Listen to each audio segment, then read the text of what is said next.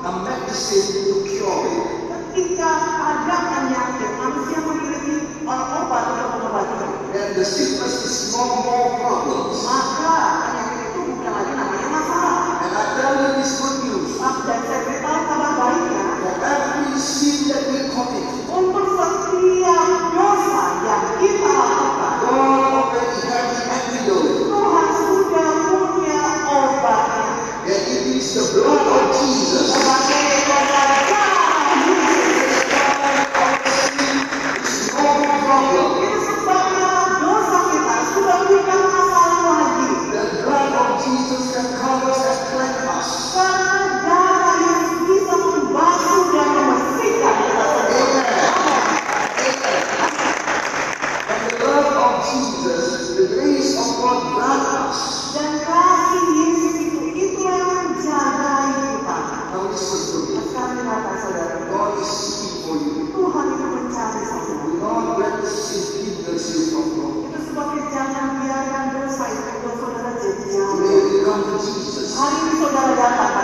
Let us read from our Bible from the Gospel of Luke chapter 19 verse 10. Mari kita buka Alkitab kita dari buku Lukas 19 ayat 10. Luke chapter 19 verse 10, I will read it for you. Dari buku Lukas 19 ayat 10 saya akan bacakan bagi saudara. For the Son of Man came to seek and to save the lost. Sebab anak manusia datang untuk mencari dan menyelamatkan yang hilang. One more time, for the Son of Man came to seek and to save the lost. Sekali lagi saya bacakan saudaraku, sebab anak manusia datang untuk mencari dan menyelamatkan yang hilang. The Son of Man refers to Jesus himself. Anak manusia ini artinya Yesus sendiri. And Jesus come not to have holiday. Dan Yesus datang ke dunia saudara bukan untuk berlibur, Jesus came not just to have chit chat with you, asking you what's up, man. Yesus datang ke dunia ini bukan untuk ngobrol-ngobrol dengan saudara, nanya kabar saudara. And you said everything is so bad. Dan saudara lalu menyahuti Yesus berkata, oh semuanya buruk Tuhan. And Jesus said, hang over there, man, hang over there, man. Lalu Yesus akan berkata, tahan sedikit lagi, tahan ya, tahan sedikit lagi. No, Jesus come with a purpose. Tidak saudaraku, Yesus datang ke dunia itu dengan tujuan. And the purpose of Jesus is to seek you. Dan tujuan Yesus adalah untuk mencari saudara. Amen.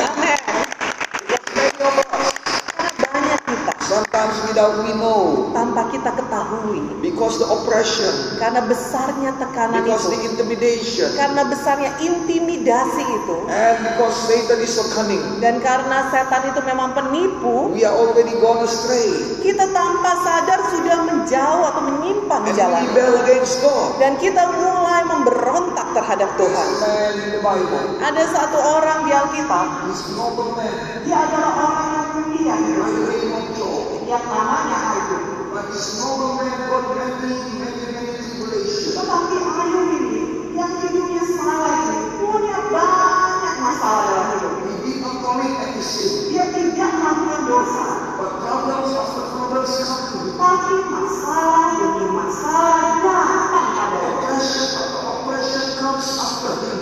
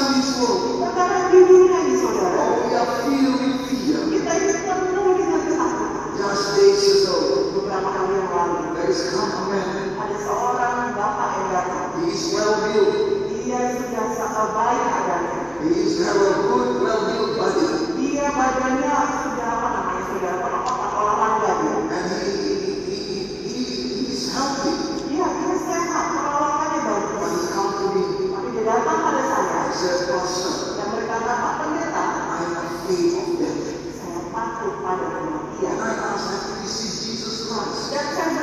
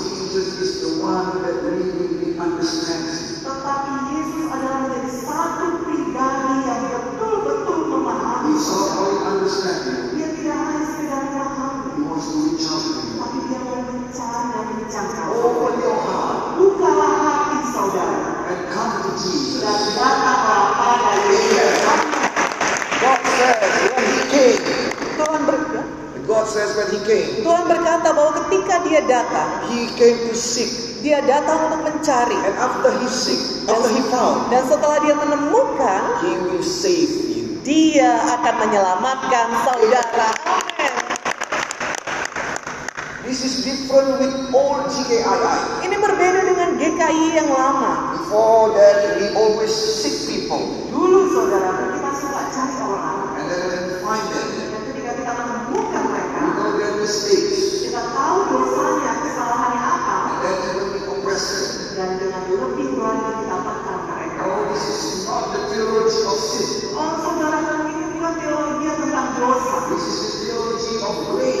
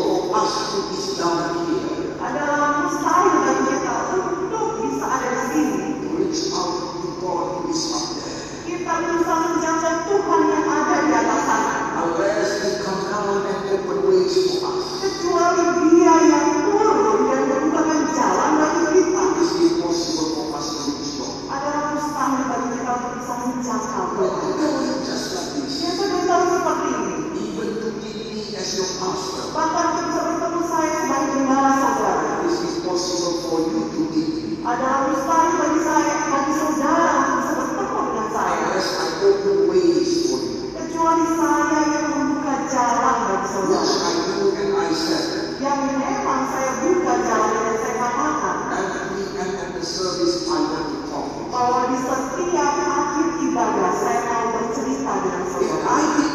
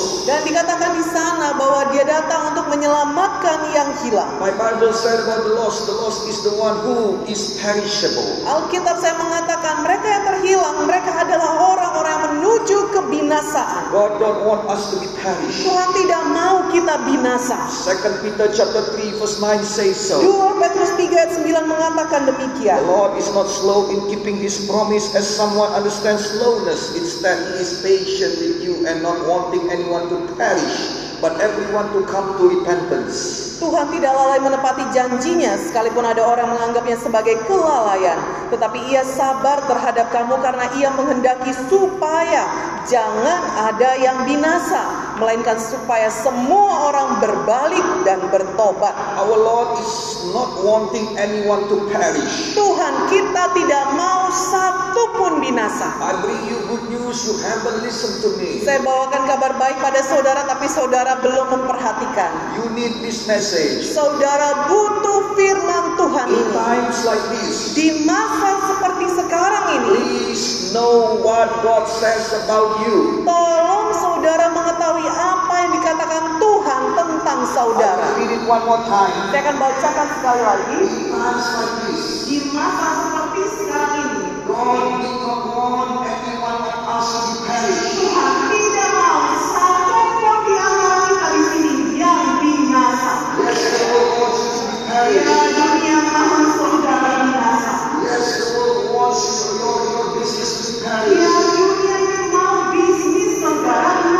But Allah promised. Tapi Tuhan tidak mau dipercaya.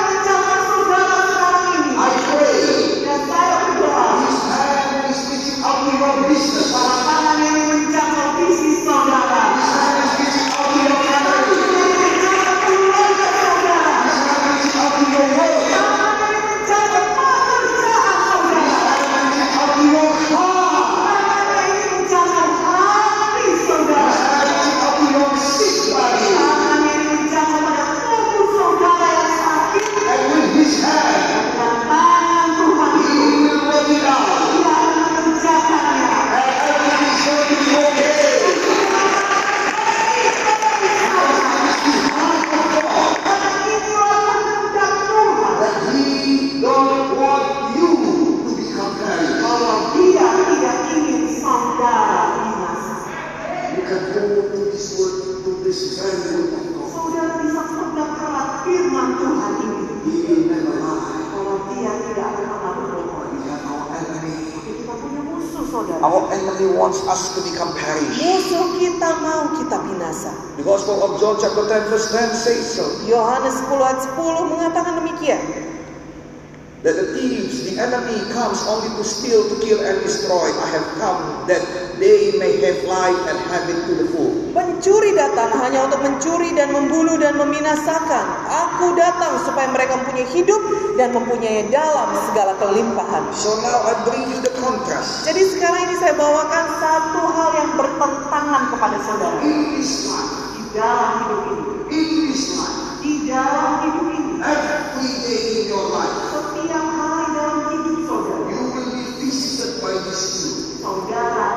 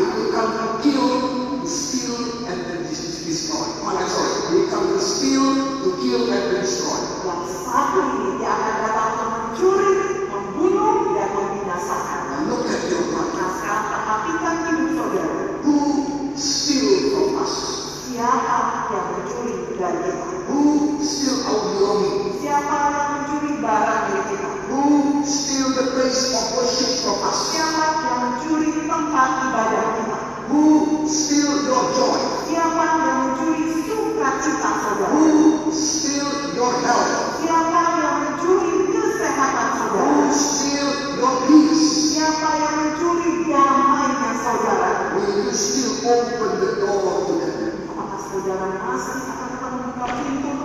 Will you still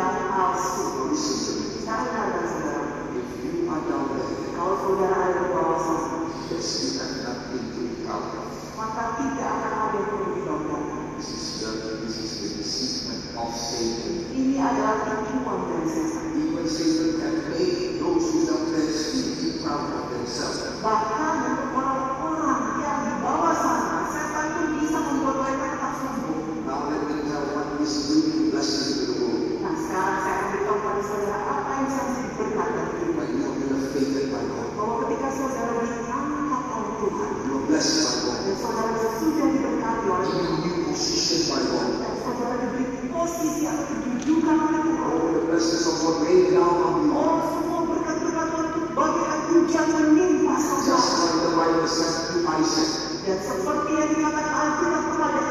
He is become rich and richer and richer and even so rich.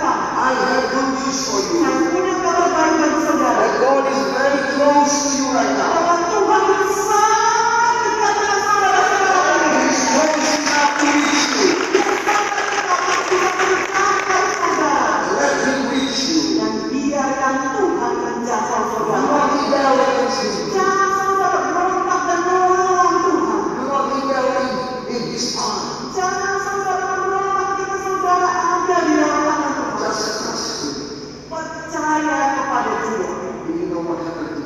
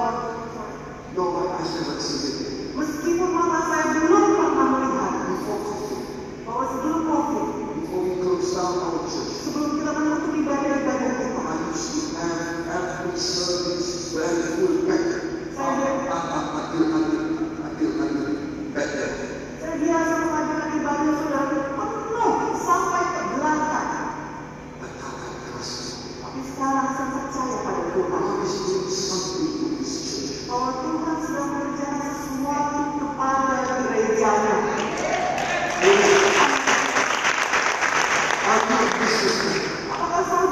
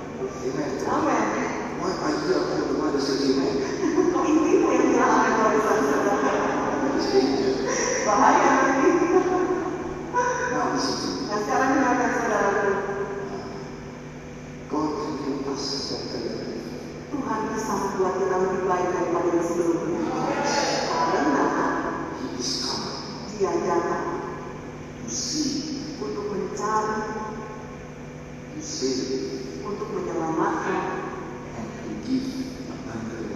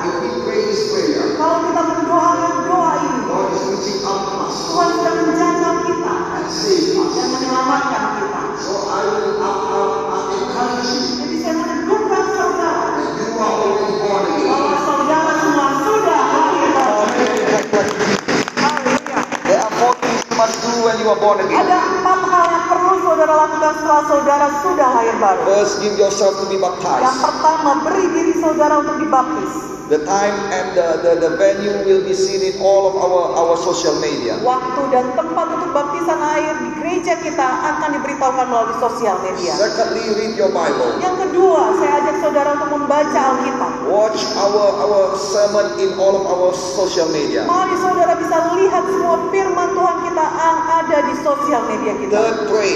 Yang ketiga, berdoa.